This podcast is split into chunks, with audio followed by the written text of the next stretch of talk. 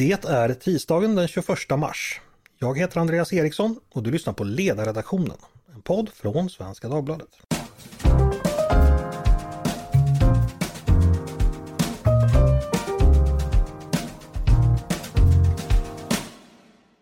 Varmt välkomna till oss. Kinas ledare Xi Jinping är just nu i Moskva för ett officiellt statsbesök. Och det följs med stort intresse av omvärlden eftersom relationen mellan Kina och Ryssland har blivit allt viktigare för Vladimir Putin nu efter hans anfallskrig mot Ukraina som har gjort honom isolerad av västvärlden. Hur ser då relationerna mellan de här båda länderna, Kina och Ryssland, ut? Vilken historia finns där? Hur ser Peking på Putins agerande det senaste året? Och vad ska det här mötet mellan de två ledarna handla om? Det tänkte vi skulle titta lite närmare på idag och till min hjälp så har jag en gammal bekant här i podden, nämligen Jojje Olsson, journalist med just Kina som specialområde som gäst. Välkommen hit Jojje! Tack så mycket! Och du är ju vanligtvis baserad i Taiwan, men just nu du, sitter du i en garderob i Japan. Ja, ja det stämmer bra. Jag har varit i Japan eh, över vintern här och eh, åker tillbaka till Taiwan igen på torsdag. Ja, precis. Eh, och om ni tycker att Joyes ljud är li, lite, lite burkigt så beror det på att han sitter i en japansk garderob. Men jag tror att det ska bli begripligt ändå. Eh, jag tänkte vi skulle börja prata lite om bakgrunden här. Som jag sa har Ryssland från västs sida blivit betraktat som en pariastat efter anfallet på Ukraina den 24 februari. Eh, från Kinas sida, hur, hur har den officiella hållningen till Ryssland och dess anfallskrig, hur har den sett ut under den här tiden? Om vi bara Ta det som första övergripande fråga. Ja, Kina har ju sedan den här eh, upptrappade ryska invasionen av Ukraina haft en väldigt knepig balansgång. Eh, Ryssland är ju en viktig partner i den här geopolitiska kampen mot USA och eh, väst. Och det värsta som skulle kunna hända för Kina är att eh, framförallt Putin men även Ryssland då eh, försvagas eftersom det är en eh, så pass eh, viktig samarbetsvillig partner i den här eh, konflikten då med väst. Men eh, samtidigt så vill man heller inte ja, bränna alla broar med väst för det är en viktig källa för eh, export, även import givetvis och investeringar. Och man vill inte bli utsatt för samma sanktioner som Ryssland för det skulle slå mycket hårt mot Kinas ekonomi. Så officiellt så har man därför framställt sig som neutralt ända sedan konfliktens början. Man, inte, man har inte velat ta någon sida då, men eh, samtidigt har man på flera vis eh, stött Ryssland, främst ekonomiskt, men eh, även i ord och handling, även på andra vis. Mm. Intressant. Man talar ju ofta om att Putin har ett, är beroende av Kina och behöver Kina som vän. Men det är alltså sant även åt andra hållet att Kina har ett intresse av att Ryssland och Put dels att Putin sitter kvar vid makten och dels att Ryssland inte försvagas allt för mycket. Vad skulle ett försvagat Ryssland innebära för, för Kina? Framförallt så är den här personliga relationen mellan Xi Jinping och Vladimir Putin väldigt eh, viktig. De har ju pratat om, Xi Jinping har ju kallat Putin för sin bästa vän flera gånger.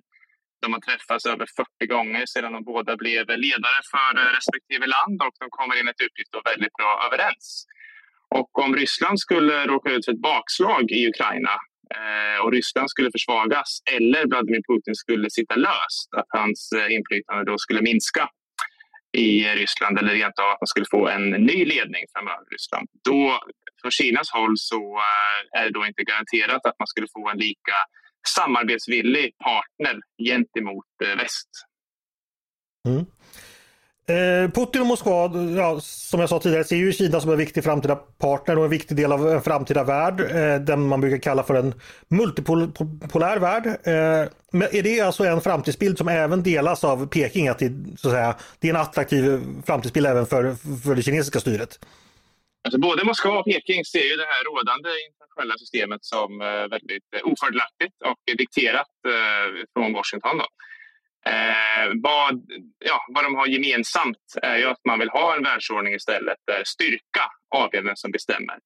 Så att eh, både Kina och Ryssland då skulle kunna, ja, men deras framfart i deras respektive närområden inte skulle hindras av exempelvis FN eller Nato, utan man vill hellre lösa såväl politiska konflikter som ekonomiska, ekonomiskt samarbete bilateralt med mindre länder. Man vill inte ha de här stora internationella multilaterala organisationerna som eh, sätter regler och lagar för alla länder att följa på samma vis, utan man vill dra nytta av sin eh, styrka. Och eh, ja, något annat som är gemensamt för både Kina och Ryssland eller deras respektive ledare just nu är att man anser att man har helt enkelt rätt till det här på grund av sin historia, sin historiska status som stormakt, som supermakt i respektive region. Att man ska av historiska skäl få ja, men härja runt lite grann som man vill då med, med sina grannar och, och i sitt område.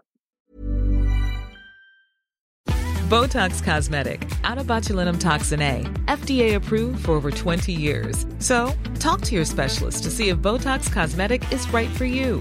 For full prescribing information, including boxed warning, visit BotoxCosmetic.com or call 877-351-0300. Remember to ask for Botox Cosmetic by name. To see for yourself and learn more, visit BotoxCosmetic.com.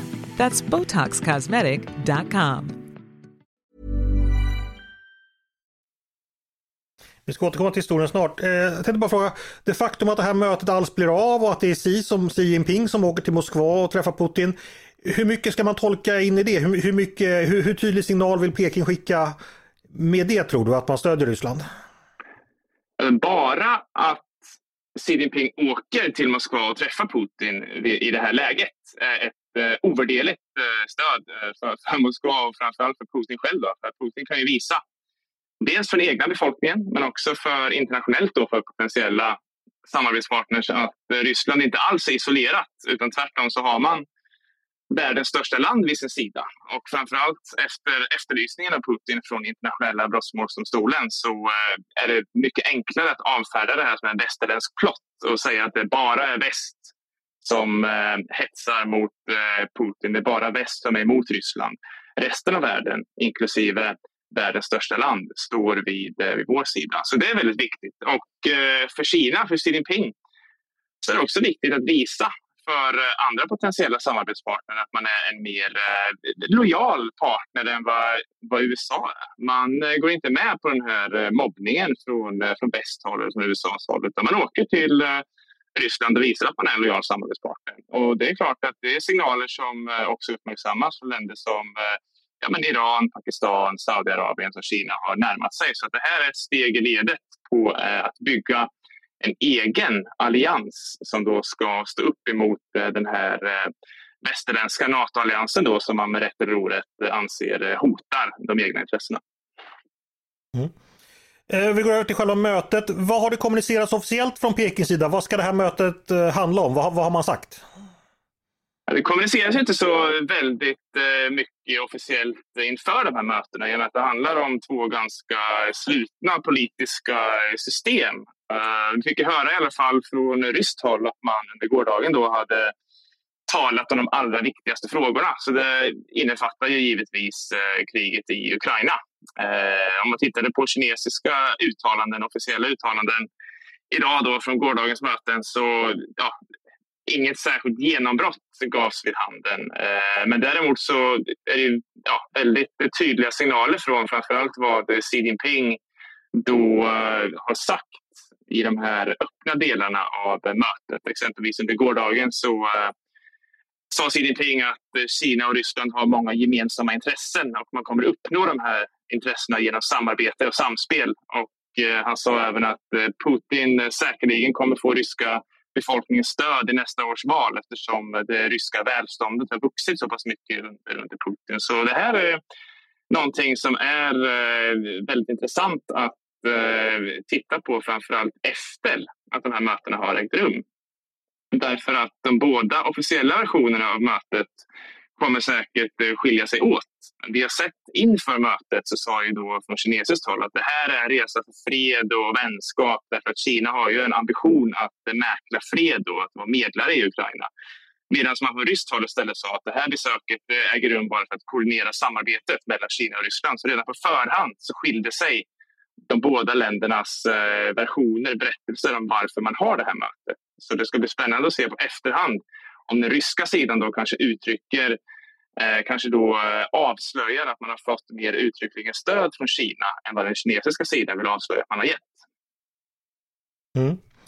Eh, Putin och Xi Jinping pratade ju i över fyra timmar igår och eh, samtalen då ska ju fortsätta även idag.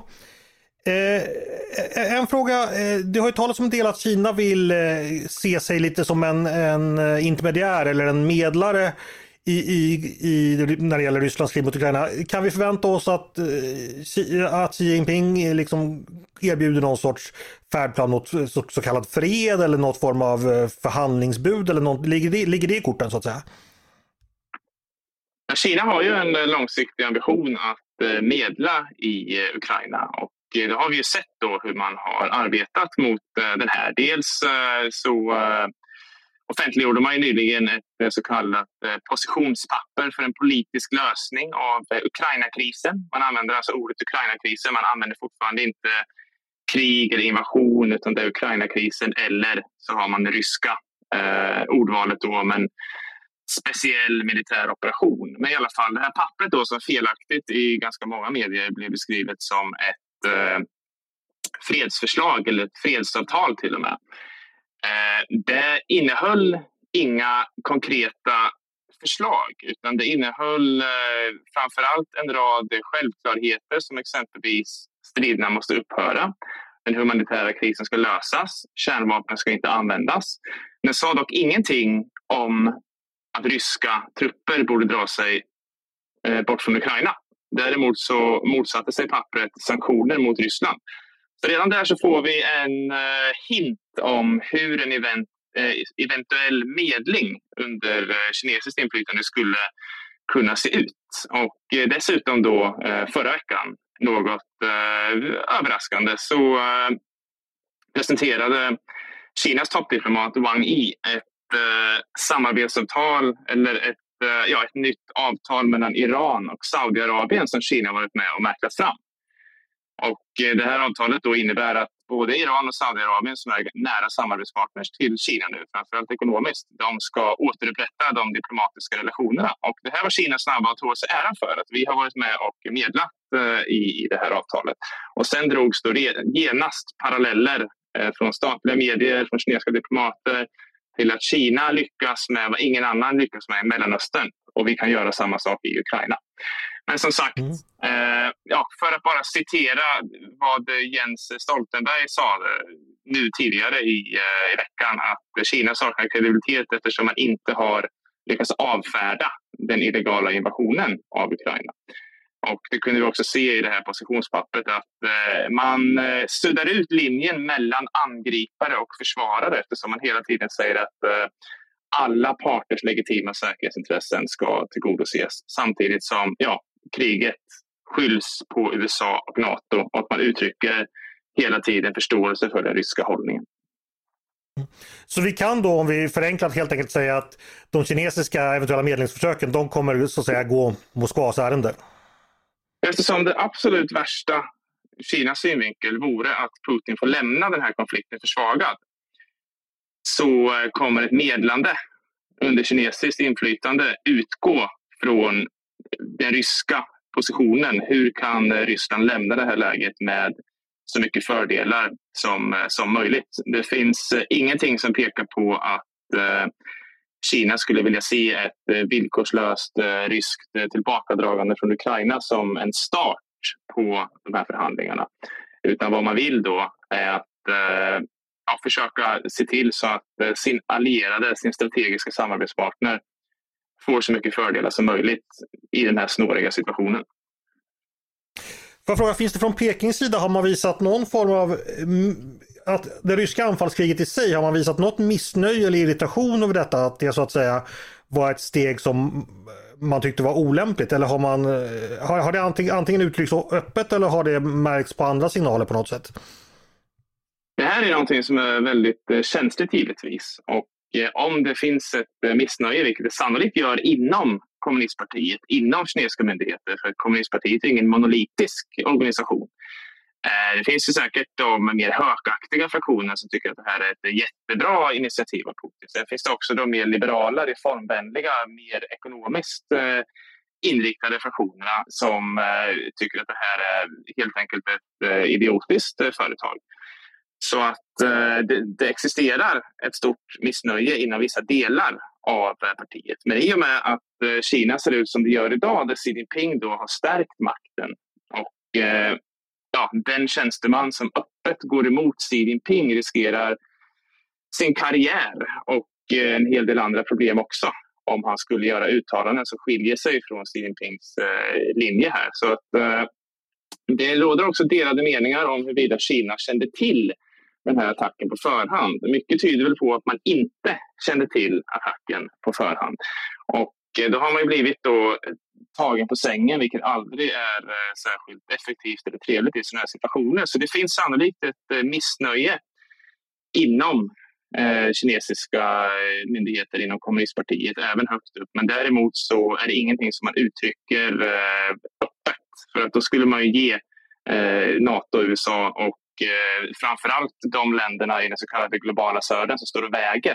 Då skulle man ge dem vatten på kvarn. Så att eh, officiellt öppet har man inte uttryckt något missnöje med, eh, med kriget. Bara, bara det att man både från kinesiska statliga mediers håll och kinesiska diplomaters håll så har man ännu inte använt ordet krig eller invasion. Utan man använder då istället kris eller särskild militär operation. Och en sista grej för att visa vart eh, Pekings hjärta ligger i den här konflikten är att Xi Jinping, som nu befinner sig i Moskva och och har nya samtal med Putin, har inte pratat med Zelensky ens på telefon sen eh, den upptrappade ryska invasionen av Ukraina. Så över ett år, trots att Zelenskyj har efterlyst samtal, så har det ignorerats av, av Xi Jinping. Så att, eh, nej, det är inte mycket officiella missnöjesyttringar från kinesiskt håll med det ryska agerandet. Nej, det är en tydlig signal kanske. Du, jag är lite nyfiken. Det finns ju en historia här då förstås. Kina och Ryssland har haft relationer i många hundra år, allt sedan eh, ja, den ryska kolonisationen av Asien mötte den kinesiska sfären. Hur har relationerna mellan Kina och Ryssland varit eh, historiskt? Det är förstås en jättestor fråga, men eh, vad, vad, finns det i form av historiskt arv som fortfarande spelar in på, på relationen idag ifall du vill lyfta fram det, skulle kunna lyfta fram det viktigaste? Ja, en väldigt viktig aspekt som eh, många kanske missar här är ju att Kina och Ryssland har en väldigt eh, lång eh, gräns, en landgräns på ett par hundra mil då mot. Och den här gränsen har varit väldigt orolig historiskt. Så sent som på 60-talet så var det öppna gränsstrider mellan Sovjetunionen och eh, Kina.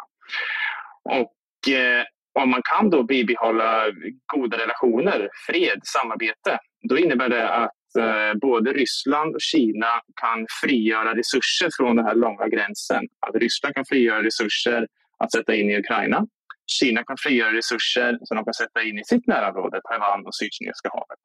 Så de här historiska bråken och historiska striderna som har varit längs med gränsen, det är någonting som man från båda sidor har ett väldigt stort intresse av att undvika just för att man inte ska behöva fokusera på den här, den här långa gränsen. Och sen givetvis så eh, en mycket viktig eh, aspekt är ju att eh, Sovjetunionen var ju länge storebror till Kina på många vis. Man var ju det starkaste kommunistiska landet och man hjälpte Kina med eh, såväl ekonomiskt som teknologiskt eh, bistånd då under eh, Folkrepublikens tidigare år, tidigaste år. Men idag har ju rollerna blivit eh, omvända så att det istället är eh, Kina som är mycket starkare än, än Ryssland. Och det är också någonting som är mycket viktigt för eh, dynamiken mellan länderna här. Att rollerna är helt ombytta mot vad de var tidigare. Det är Kina som är storebror nu i den här relationen. Mm. Ja, jag tänker den psykologiska effekten då.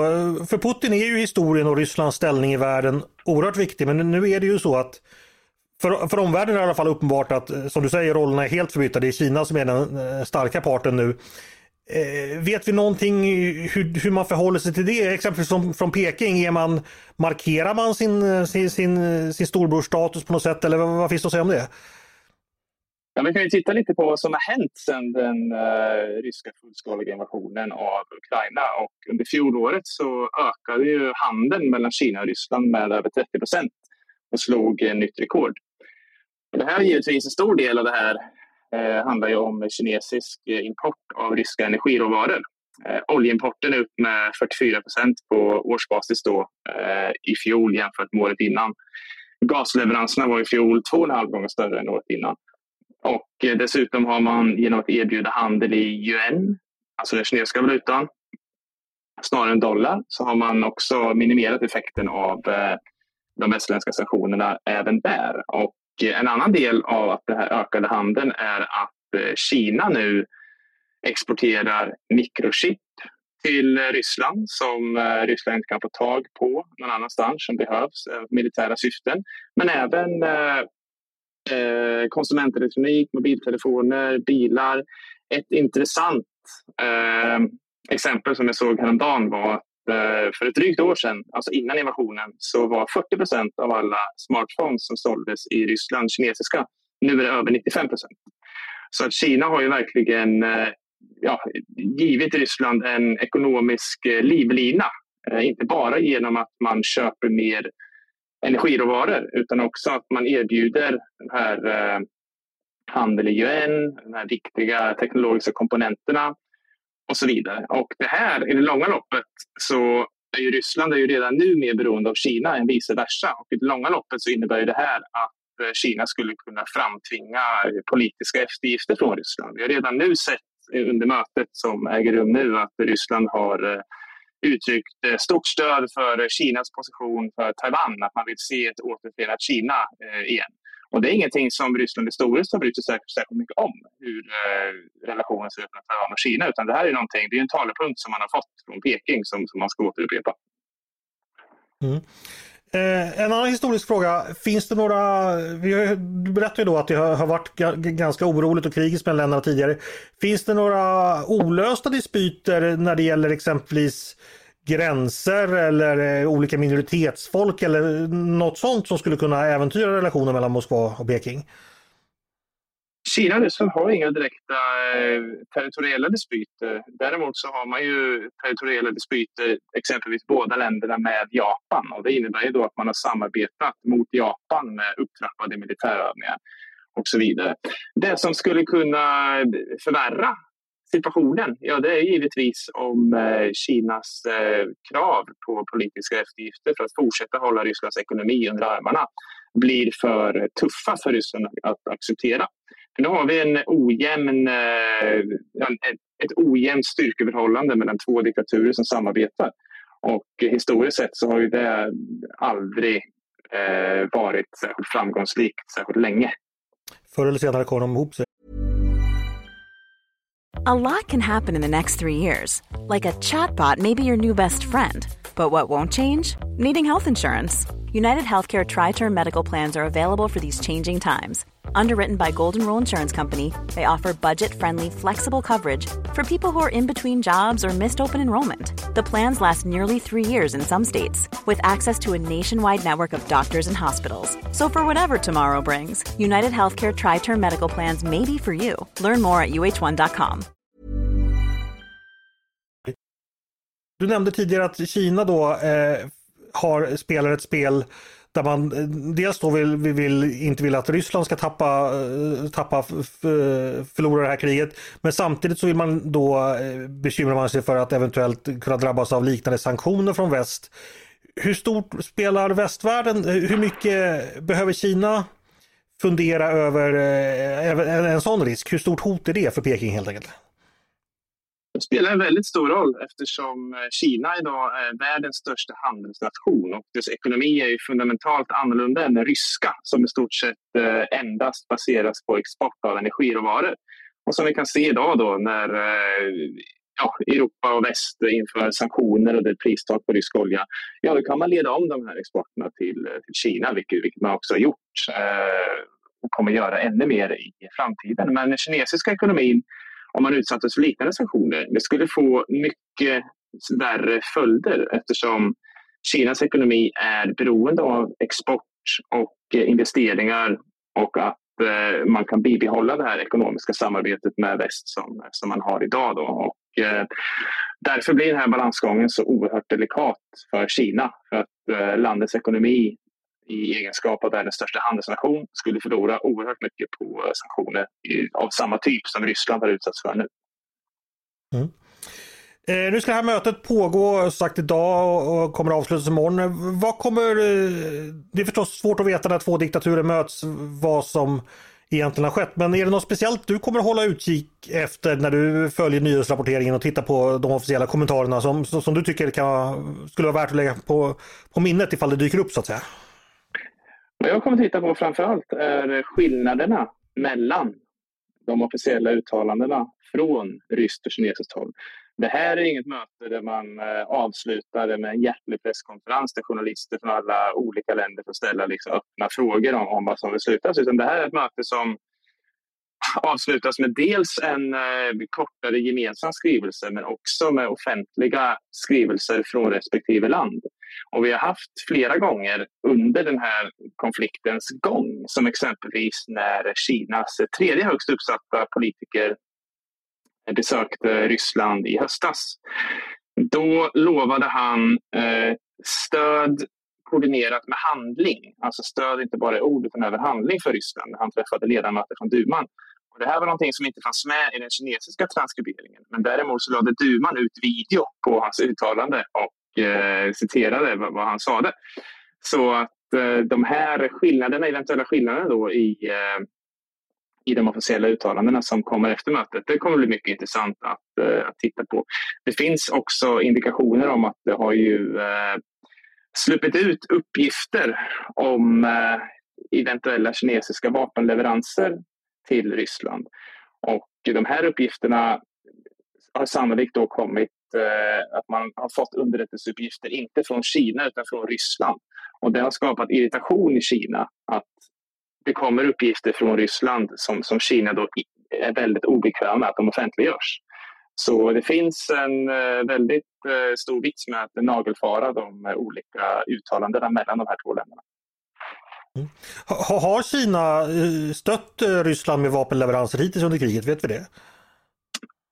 Kina har eh, stött Ryssland på flera vis och det är någonting som är väldigt viktigt att ha i åtanke nu när Kina vill eh, framstå som en neutral medlare.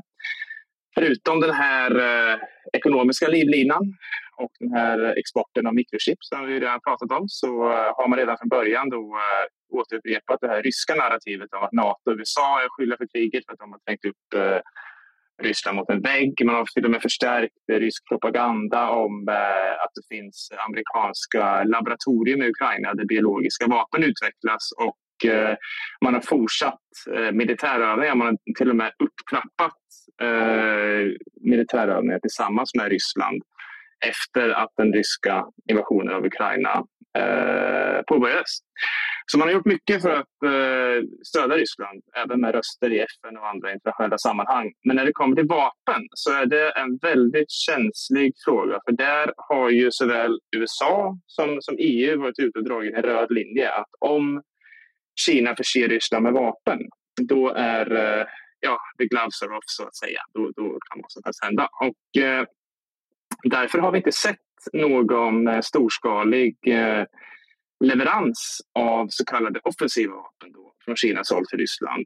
Eh, vi har sett, det har varit dokumenterat, att man har försett den ryska militären med, med, defensiva komponenter som exempelvis vi har haft reservdelar till drönare, vi har haft eh, kroppsskydd som har dokumenterat att de har skickats från Kina, då, kinesiska kroppsskydd till Ryssland. Och sen nu, intressant, den senaste veckan här, om man, om man tittar närmare på, på nyhetsflödet så har vid flera tillfällen har det avslöjats hur eh, kinesisk ammunition, kinesiska minor och även kinesiska automatkarbiner då har antingen dykt upp på slagfältet i Ukraina eller eh, exporterats till, eh, till eh, Ryssland. Eh, framförallt nya uppgifter eh, nu i helgen om tusentals automatkarbiner från ett kinesiskt företag som har märkts som civila jaktgevär och skickats då till, eh, till ryska eh, mottagare.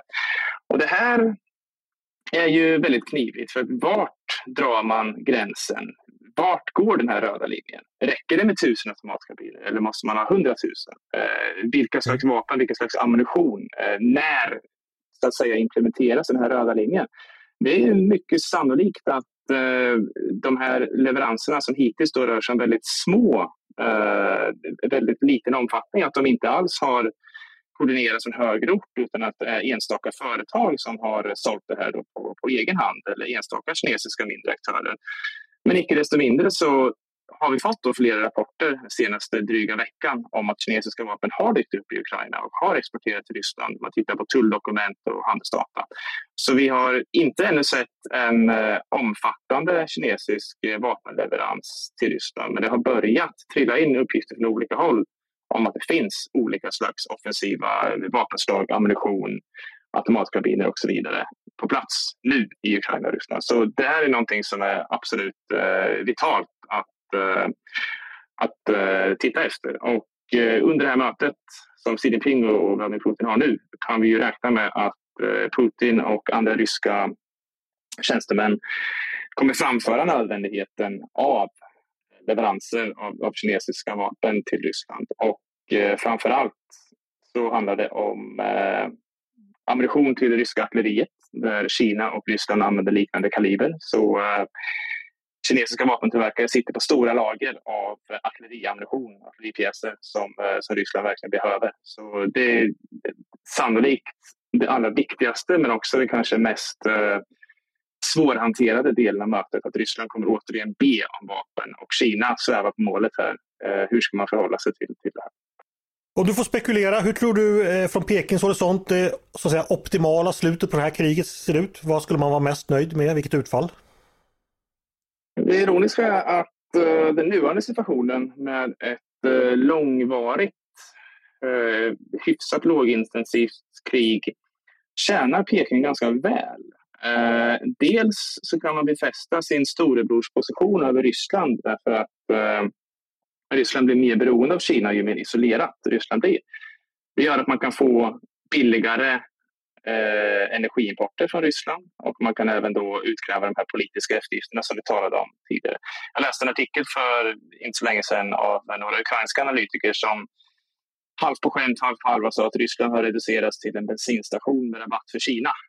Så att eh, mm. man kan fortsätta dra nytta av det här när, när eh, Ryssland då blir isolerat. Och samtidigt så har man även fördel av att eh, USA och Nato måste rikta uppmärksamhet och resurser mot Ukraina. Vilket då gör att eh, USA, Nato och väst har fokus bort från Taiwan, framförallt gäller Sydkinesiska havet. Så Peking just nu, om man kan uppehålla den här balansgången, att man kan stödja Ryssland nog för att Putin inte ska bli försvagad och för att konflikten ska kunna fortsätta. Samtidigt övertyga omvärlden om att man är neutral. Det är inte alls en dålig position för Kina eh, med hänseende dels mot relationen med Ryssland men också att då eh, USA och Nato, eh, deras fokus hamnar annorstädes. Eh, en fråga Ja, den är ganska stor och kanske svår att svara på men, men nu har vi pratat väldigt mycket om hur, hur Kinas ledning ser på Ryssland. Hur betraktas Ryssland så att säga bredare i Kina, eh, i befolkningen i stort? Eh, är Ryssland, eh, Eh, vet vi någonting om det, hur, man känner, hur väl man känner till Ryssland, om man har några tankar kring Ryssland? Eh, hur stora grupper eh, ryssar bor i Kina och tvärtom, finns familjeband och så vidare. Finns det någonting att säga om det, så att säga bredare uppfattning om Ryssland? Det finns ju som vi var inne på tidigare då den här historiska relationen att Sovjetunionen tidigare har varit storebror. Så det har historiskt funnits en beundran för, ja, för Sovjetunionen och även då det, det ryska Eh, systemet och framgångarna. Men nu då i och med att Kinas eh, framförallt ekonomi men, även militär har utvecklats så pass snabbt så har det här på något vis eh, omsatts i en slags hybris där man är medveten om att man har ett övertag gentemot Ryssland. Men någonting som är väldigt eh, väldigt noterbart är att Putin är väldigt populär i Kina. Om man tittar dels på sociala medier, även då statliga medier och om man då tittar på rapportering som exempelvis när eh, utländska journalister reser runt i Kina och frågar om Putin så är han oerhört populär. Man tycker att Putin är en stark ledare. Putin är, eh, ja, men han är, han är en våghals som, eh, som inte viker ner sig för, eh, för bäst och så vidare. Och det här beror ju på att det finns ett intresse från den kinesiska ledningen att framställa Ryssland som ja, men i ett positivt sken i och med att Ryssland är den allra viktigaste allierade som Kina har i den geopolitiska kampen mot, mot USA. Så man har gått för att sammanfatta då, från att vara Rysslands eh, lillebror till att nu vara storebror som även beundrar framförallt den ryska ledningen för dess handlingskraft. Mm. En kaxig lillebror som man eh, kanske kan tänka sig att backa upp. Eh, ja men bra, då tror jag jag fått eh, svar på de flesta av mina frågor. Är det någonting du skulle vilja lägga till som du tror, tycker är viktigt att jag och lyssnarna har i minnet här nu när vi fortsätter följa mötet och framförallt efterspelet som, som, som vi inte pratat om hittills? En väldigt intressant sak är det här med Zelensky då, att eh, Xi Jinping hittills inte har velat samtala med Zelensky ens på telefon trots att Zelenskyj Zelensky då har efterlyst en, eh, en kommunikation med eh, Xi Jinping. Och enligt uppgifter då från Wall Street Journal var det först som skrev om det så planerar Xi Jinping att, ja, att förära Zelenskyj ett telefonsamtal efter att han då varit i Moskva. Och Eh, då blir det väldigt intressant att titta på hur det samtalet, om det blir av, vad, vad som sägs där. Eh, är det här bara en del av narrativet för Kina, att de ska visa sig neutrala, så att de, Xi Jinping ringer upp Zelensky och vi har ett samtal som är helt substanslöst? Eller kommer det här vara ett samtal där Zelensky kanske rent av ställer Xi Jinping mot väggen? Hur mycket av det samtalet kommer att offentliggöras? Eh, under vilka omständigheter kommer det ske? Så väldigt viktigt att titta på Xi Jinpings eventuella första samtal med Zelensky som enligt uppgift ska ske inte långt efter att Xi Jinping eh, lämnar Moskva då, eh, imorgon onsdag. Får hålla utkik efter det. Eh, stort tack för det svaret och stort tack för att du pratade med mig idag Jojje. Jag vet att du befinner dig hemma hos ditt värdfolk och väntar på middag. Eh, det är ju kväll japansk tid när vi spelar in det här. Så att, stort tack för att vara med idag och jag hoppas du får en smaklig måltid. Ja, tack så mycket. Roligt att vara med. Och tack till er som har lyssnat också på ledarredaktionen. En podd från Svenska Dagbladet. Ni är varmt välkomna att höra av er till redaktionen med tankar och synpunkter på det vi precis har diskuterat. Eller om ni har idéer och förslag på det vi ska ta upp i framtiden. Då är det bara att mejla till ledarsidan snabel svd.se. Dagens producent, han heter Jesper Sandström. Själv heter jag Andreas Eriksson och jag hoppas att vi hörs igen snart.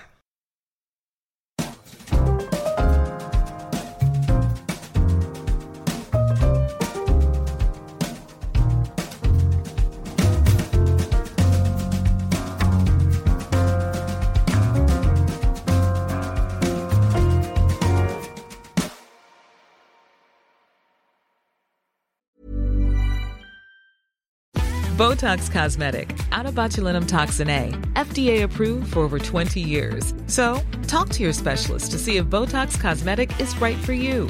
For full prescribing information, including boxed warning, visit BotoxCosmetic.com or call 877-351-0300. Remember to ask for Botox Cosmetic by name. To see for yourself and learn more, visit BotoxCosmetic.com. That's BotoxCosmetic.com.